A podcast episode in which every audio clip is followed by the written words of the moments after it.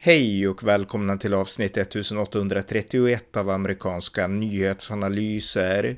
En konservativ podcast med mig, Ronny Berggren, som kan stödjas på swishnummer 070-30 28 95 0.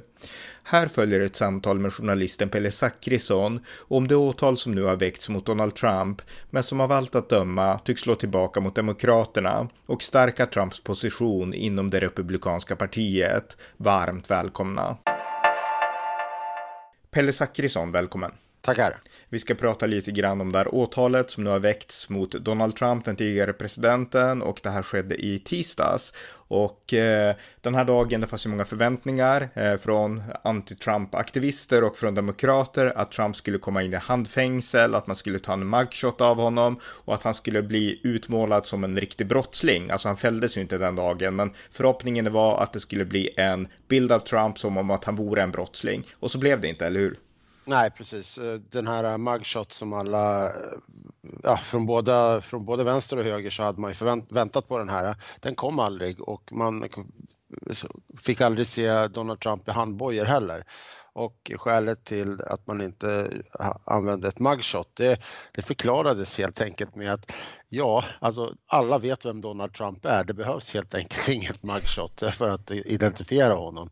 Ja, och ehm, det är de, de källor som finns inne, dels från Trump-sidan och dels från, eh, ja, från DA-håll, alltså åklagarhåll, tyder ju på att det här kommer från åklagarsidan. Man vill inte ge eh, mer bränsle till eh, martyrskapet för Donald Trump. För att det, de, de såg det, att det här kommer spela Donald Trump i händerna. Mm. Och när han kom in där i rättssalen, för återigen som du sa, alltså inga handbojor, utan det var tvärtom, när man såg den här filmkameran in i den här rättssalen, då var det först en polis som öppnade dörren och sen så var det liksom tystnad ett tag och sen så kom Trump in och det såg exakt ut som att han gick in på ett kampanjevent eller att han ja. gick in i Vita huset, alltså han hade, han stod rakryggad, han såg inte ja. det minsta skamsen ut, utan det här var liksom presidenten som kom in och han var inte det minsta rädd för den där rättegången. Så att jag menar, det var ju en stark image bara det när Trump gick in där. Alltså han såg inte ut som en brottsling.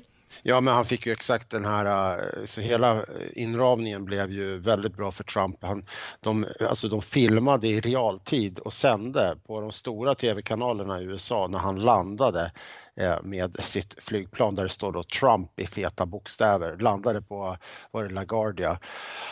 Och ehm, och sen då kör i en motorcade in till, in till Manhattan, alltså fem, jag tror det var fem såna stora svarta suvar. Va? Så att det var verkligen den här president Trump, bilden av en president som, som eh, eh, då vi, eh, alltså kablades ut över hela världen. Och eh, så otrolig PR-seger i det skedet för Donald Trump, definitivt. Jag tycker det såg ut som alltså, lite grann en gladiator som går in på arenan. Det här är fientligt, men jag går in som en segrare i alla fall och mottar folkets jubel. Alltså, det här var ju liksom segerbilder på Donald Trump, tycker jag. Ja, jag skulle väl då, om jag skulle vilja nyansera det där lite grann, så skulle jag ändå säga det att han, hade, han såg ju inte sådär eh, nöjd ut som man brukar göra, utan han mer var mer sådär samman, sammanbiten. Eh, och han var inte tagen av stundens allvar, så såg det inte ut. Men däremot så hade han mer den här eh, det allvarliga, eh, ja, den allvarliga yttre. Som, men det, det kanske också ja, det kanske passade i, i läget, jag vet inte. Men, men en stor PR-seger för Donald Trump under själva, eh, när han kom in dit då. Och, så. Mm. och eh, Elvin Bragg då som den här distriktsåklagaren från Manhattan heter, som är en aktivist. Vi kan säga att Elvin Bragg, han kampanjade och vann det här ämbetet 2021. Och eh, han eh, kampanjade, eller redan då så var han inne på spåret att han skulle sätta dit Donald Trump. Och han ignorerade i princip den grova brottsligheten som New York är hårt ja. drabbad av. Och det har skrivits mycket om det här att eh, vålds våldsamheterna i New York har gått upp och att eh, brottslingar släpps ut, alltså de ja. behöver inte betala borgen och eh, människor blev utsatta för det här. Och bara en sak till innan du får ta över här, är att när det var guvernörsval förra året, alltså i midterms, då var det guvernörsval i New York och då utmanades den demokratiska guvernören Katie Hochul av en republikan som heter Lee Zeldin. Och när Lee Zeldin kampanjade, jag följde hans tal och hans event, då kampanjade han lika mycket mot den här Elvin Bragg som han kampanjade mot guvernör Katie Hochul, därför att han sa att situationen i New York nu är det katastrof och det är visst det är Katie Hochuls fel, men än mer så är det Elvin Braggs fel, för han släpper ut brottslingarna på gatan igen. Så att det här är ju liksom lite grann av en kändis eh, jurist som vill bli känd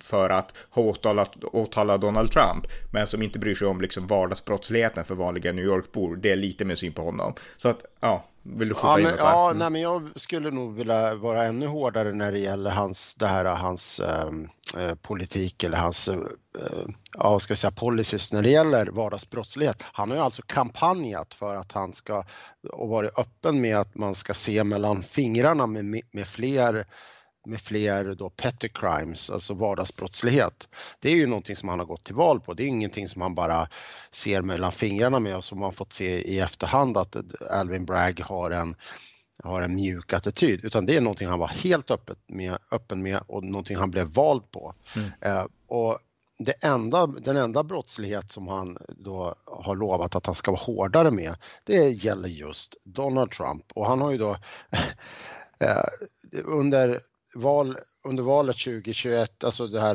äh, valkampanjen 2021, så, så var han med i ett um, blev utfrågad och fick frågor om Trump. Och då sa han det eh, på svar på en fråga att ja, jag har utrett Donald Trump och hans barn och jag har hållit dem eh, accountable, alltså ansvariga för deras eh, misconduct, deras eh, ja, felaktigheter inom Trump Trump Foundation som är då Trumps eh, ägarbolag.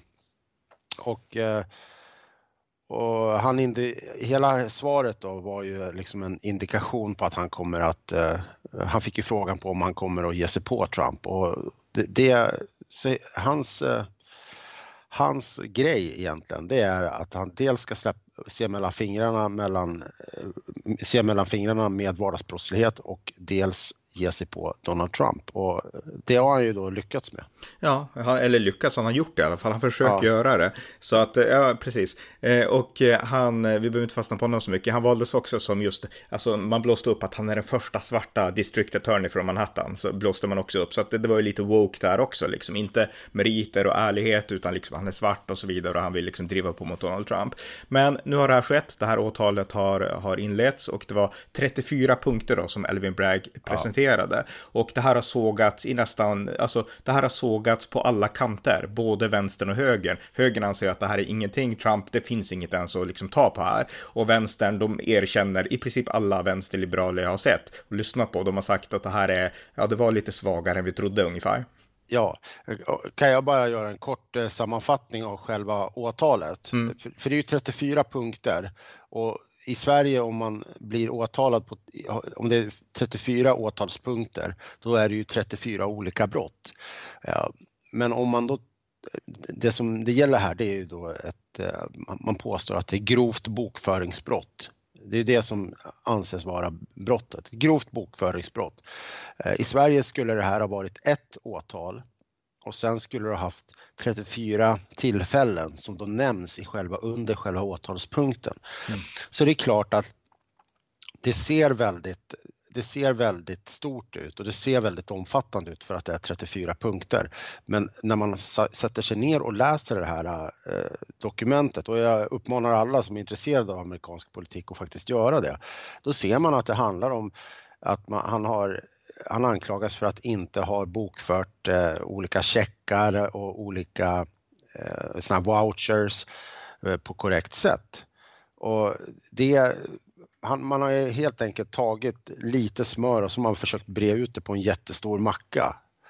Så att, eh, det, det är om själva åtalet. Man har styckat upp liksom åtalet som handlar liksom ja. om att betalningen till Stormy Daniels, den här porrstjärnan då, att det gått felaktigt till. Det har man styckat upp i olika punkter för att få det att framstå som att Trump är en jättestor brottsling. Lite så. Ja, exakt. För att 34, om han är åtalad på 34 punkter, då tänker ju de flesta, och det här argumentet har jag hört även från liksom, politiska kommentatorer, det är att ja, men någon, då, då är det ju stort, då måste det här vara allvarligt, alltså det måste ju finnas någonting i det.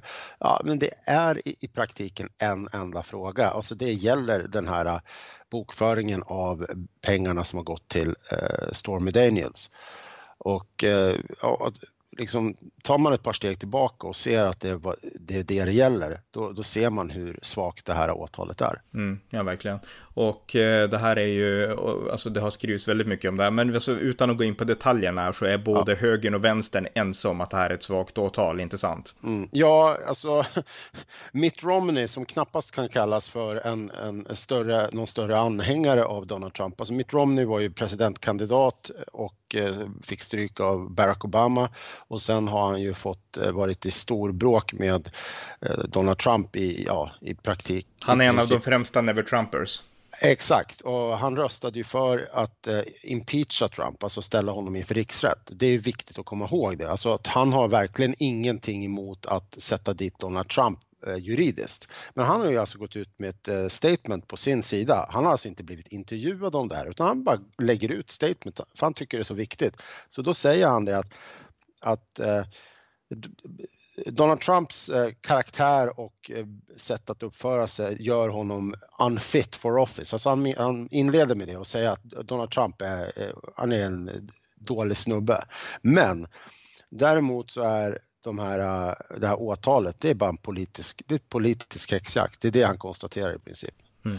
Så att om Mitt Romney går in och försvarar Donald Trump, då tror jag att många av de här vänsterliberala som nu jublar över att man har åtalat Donald Trump, de borde faktiskt sätta sig ner och fundera på vad är det egentligen som ligger i det här. Mm, exakt, och det, det som ligger i det här anser jag vara aktivism. Jag talade på TV4 häromdagen, eller igår rättare sagt, så var jag med på TV4 och kommenterade det här.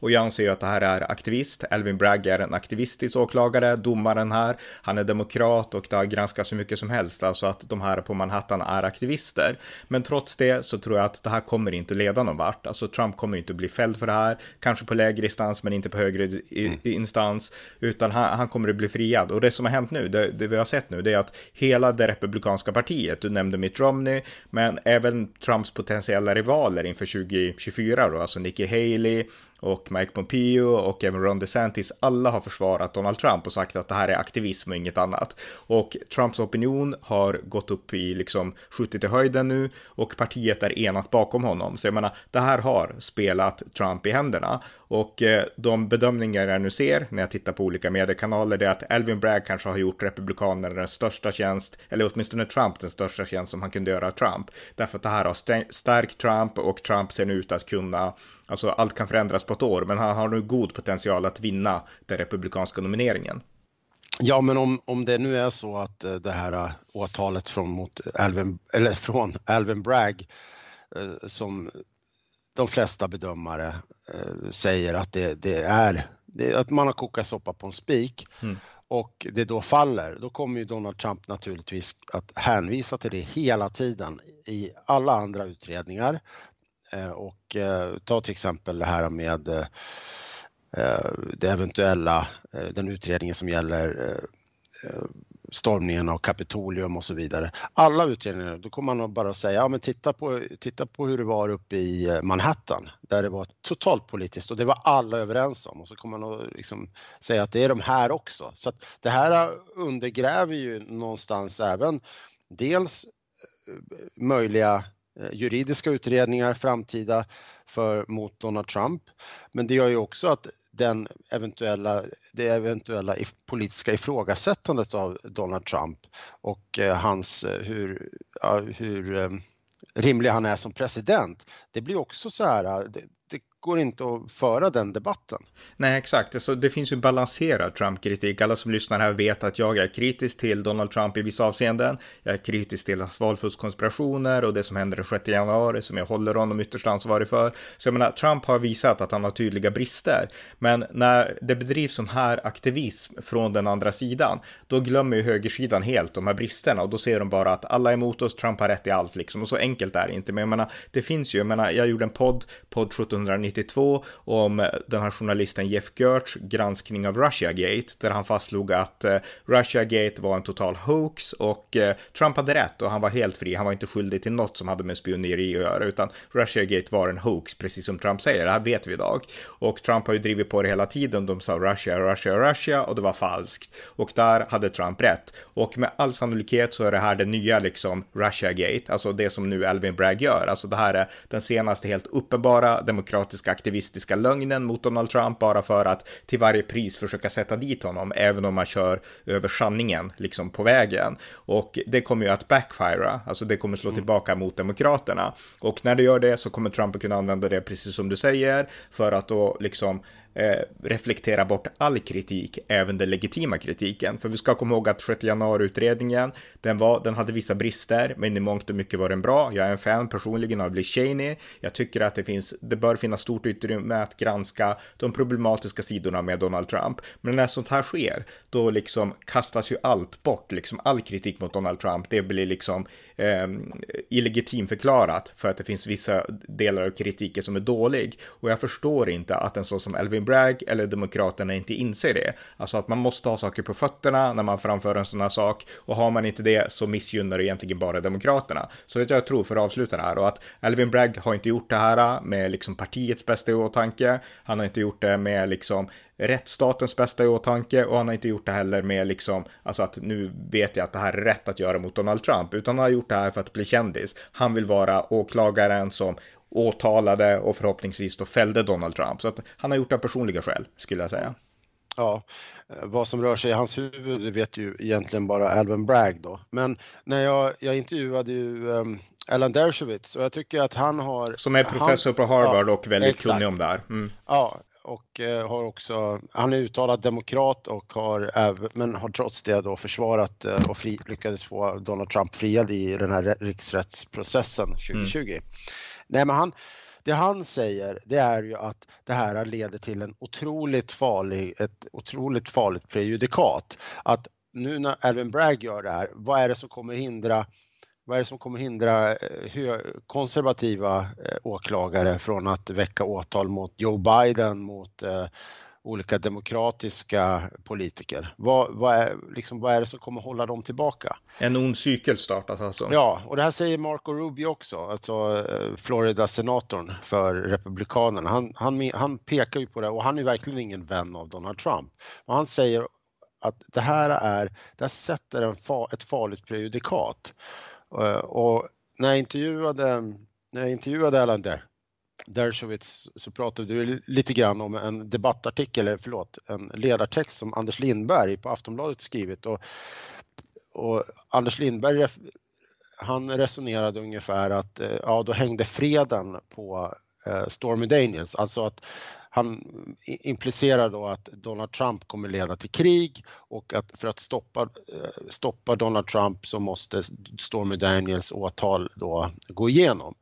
Och det här är ju ett resonemang då som Alan Dershowitz helt sågar. Han, han menar att... Han sågar vänster... Anders Lindberg alltså? Ja, alltså vi pratar inte specifikt om Anders Lindberg men just om den typen av Ehm, den typen av människor som resonerar att det viktigaste det är att stoppa Donald Trump till varje pris.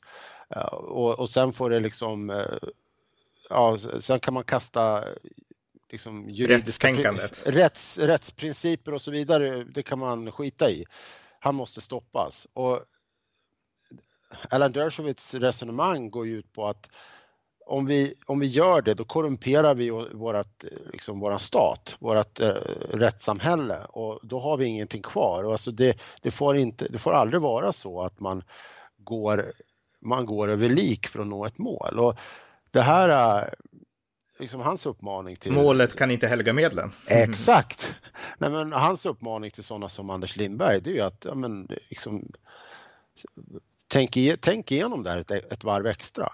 Mm. Och jag tycker det, det hedrar ju Alan Dershowitz som demokrat att eh, liksom ta ett, försöka Eh, ta ett utifrån perspektiv på det där. Mm, men två saker till där, för det här är ett intressant ämne som jag har varit intresserad av länge, sedan jag följde Bush och så här. Därför att eh, Abraham Lincoln, han sa ju så här, eh, a house divided cannot stand, det var ett citat från Bibeln, men han sa som inbördeskriget att nationen måste vara enad, annars kan den inte bestå. Alltså det måste finnas en enande länk som sammanhåller landet oavsett politiska stridigheter. Och när man gör så här, då bryts den länken. Jag menar, om då blir det ett krig mellan partier snarare än nation som försöker samarbeta politiskt. Och och när Bush var president, då var, började ju den här polariseringen på allvar. Då handlar det om Irakkriget, men det handlar också om tuffa förhör mot al-Qaida-terrorister, waterboarding och liknande. Och efter att Bush hade lämnat presidentämbetet då i januari 2009, då ville många demokrater att Barack Obama och hans justitieminister Eric Holder skulle åtala George W. Bush och Dick Cheney och allihopa för tortyr mot al-Qaida-terrorister. Och eh,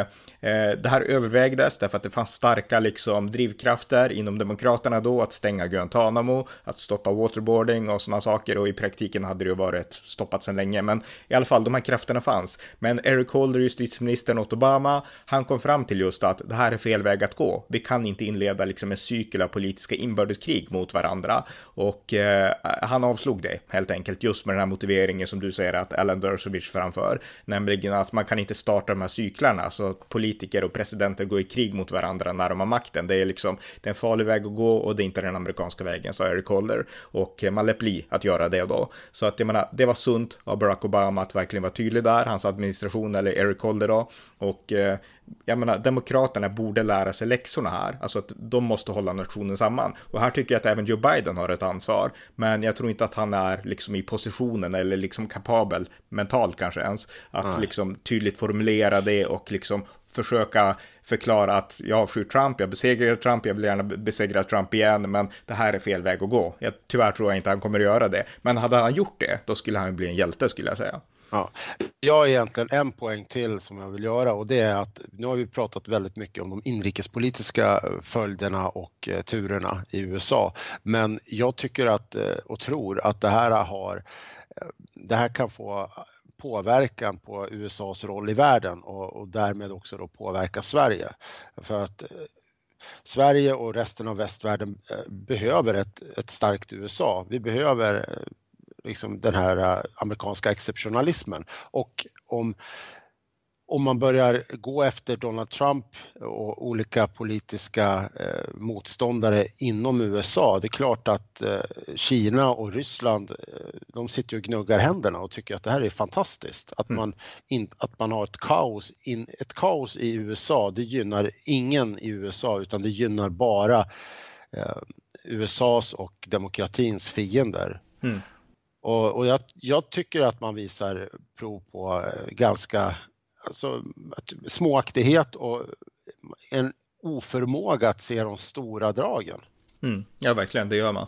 Eh, sen så, på tal om utrikespolitiken, och där har vi också ett ämne där det finns skäl att vara kritisk mot Trump och delar av den republikanska rörelsen. Eh, och det gäller stödet till Ukraina, där kritiken från republikanerna växer, man tycker man kastar pengar i sjön och man tycker att man har viktigare egna angelägenheter, nämligen att skydda gränsen mot Mexiko och liknande. Och man menar att det är ett europeiskt krig, och det sista håller jag med om, det är inte ett amerikanskt krig, utan det är Europa har ett mycket större ansvar än USA har egentligen. Men, men däremot, jag menar, de här här rösterna anser jag vara problematiska och jag tycker att man måste liksom kunna hitta möjligheter att framföra att det är viktigt att Trump, om han nu blir president igen, driver en aktiv, tydlig politik mot Ryssland, att han inte köper in i det här att oh, vi startar ett tredje världskrig.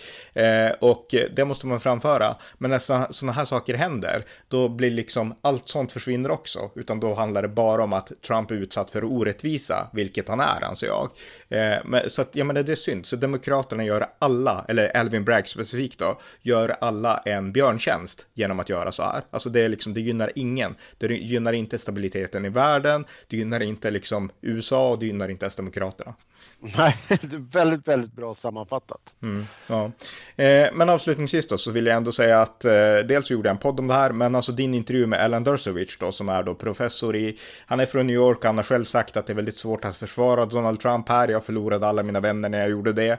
Och eh, det här är ju en unik intervju, för Alan Dershowitz är en väldigt stor personlighet. Jag menar, han har försvarat O.J. Simpson, han har försvarat liksom massa olika toppfall i USA och Donald Trump då som den största kanske. Och du fick en intervju med honom, så att jag rekommenderar verkligen alla att, eh, att läsa den intervjun. Den finns på din Substack, pellezeta.substack.com tänkte jag bara säga. Vill du tillägga något om intervjun och eh, ditt samtal med honom? Nej, bara att det var eh, en eh, fantastiskt rolig intervju att göra och eh, jag ska sätta mig ner med hans bok då som kom eh, 15 mars, Get Trump och läsa den. Får vi se om, det, om jag gör någon ny intervju med Dershowitz eh, framöver eller inte. Och den boken, jag kan bara säga det om den och den handlar, jag har inte läst den men den handlar alltså om just de här rättsfallen mot Donald Trump och varför de, ja, om jag förstått saken rätt, sågas av Alan Dershowitz. Ja, så är det. Och bara det här fallet när det gäller um, dokumenten i uh, Mar-a-Lago i Trumps uh, residens, det anser han vara det som är det starkaste.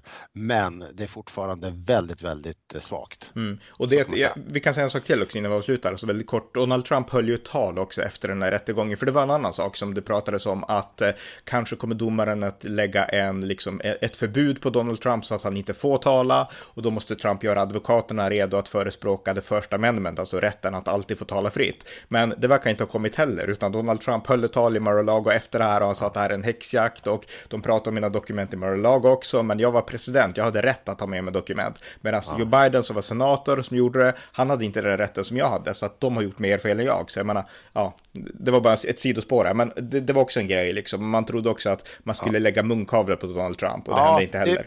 Det, det, det domaren gjorde, det var att han eh, för under det här, den här uh, arrangement, alltså under den här hearingen i Manhattan, då det, normala fall så går det där på 5-10 minuter men men uh, åklagarsidan drog ut det där på det där så det var ju ett par timmar och då drog, tog man upp en massa exempel på hur Donald Trump hade uttalat sig på Trump Socials, hans sociala mediekanal och på andra ställen. Det där fick eh, domaren, alltså han har inte gett någon gag order och han har inte gett något förbud, men däremot har han sagt att eh, man behöver, att båda parter behöver tänka på hur man uttrycker sig. Och det här har ju då vänsterliberal media, CNN bland annat, försökt få till att, eh, att Trump, när han kallade domaren för eh, trumphatare, att han då eh, hetsar drar igång eh, drev mot domaren och att eh, nu är domarens liv fara och färde ungefär. Så att eh, ingen formell gag order men han har typ sagt att tänk på vad ni säger. Mm. Just det. Och eh, allra sist som allra sista fråga då, vad kommer att hända härnäst? Alltså vad blir nästa steg i den här processen? Ja, om, eh, om ungefär en vecka så kommer eh, åklagarsidan att börja lämna över material till eh, sån här, eh, alltså ska säga förundersökningsmaterial till eh, Trump-sidan, till Trumps advokater så att de kan sätta sig in i det. Det handlar bland annat om eh, eh protokoll då från grand jury-hearingen hearingen eh, och Eh, en del vittnesutsagor eh, och så vidare. Och eh, någon gång i mitten av juni så förväntas man lämna över ytterligare en batch av det här. Alltså det här är ju en omfattande utredning och någon gång i mitten av juni så kommer den. Sen framåt augusti så, jag tror den 8 augusti, där är ett viktigt datum, då måste allting vara inlämnat till till domstolen och då, då stänger man eh, eh, då stänger man de här eh, inlämnandet av dokument. Och det, det är också då som Trumps, Trump-sidan har en möjlighet att, att begära att målet ska avskrivas. Mm. Sen det viktigaste datumet det är i december. Då kommer domaren, det är 4 december, då kommer domaren att besluta om nästa, nästa steg i den här, eh, i den här utredningen eller i det här åtalet. Just det. Mm. Okej, okay. ja, ja, men tack så mycket. Tack. Tack för att ni har lyssnat på amerikanska nyhetsanalyser. En podcast som kan stödjas på swishnummer 070-30 28 95 0 eller via hemsidan på Paypal, Patreon eller bankkonto. Skänk också gärna en slant till valfri Ukraina-hjälp. Vi hörs snart igen. Allt gott tills dess.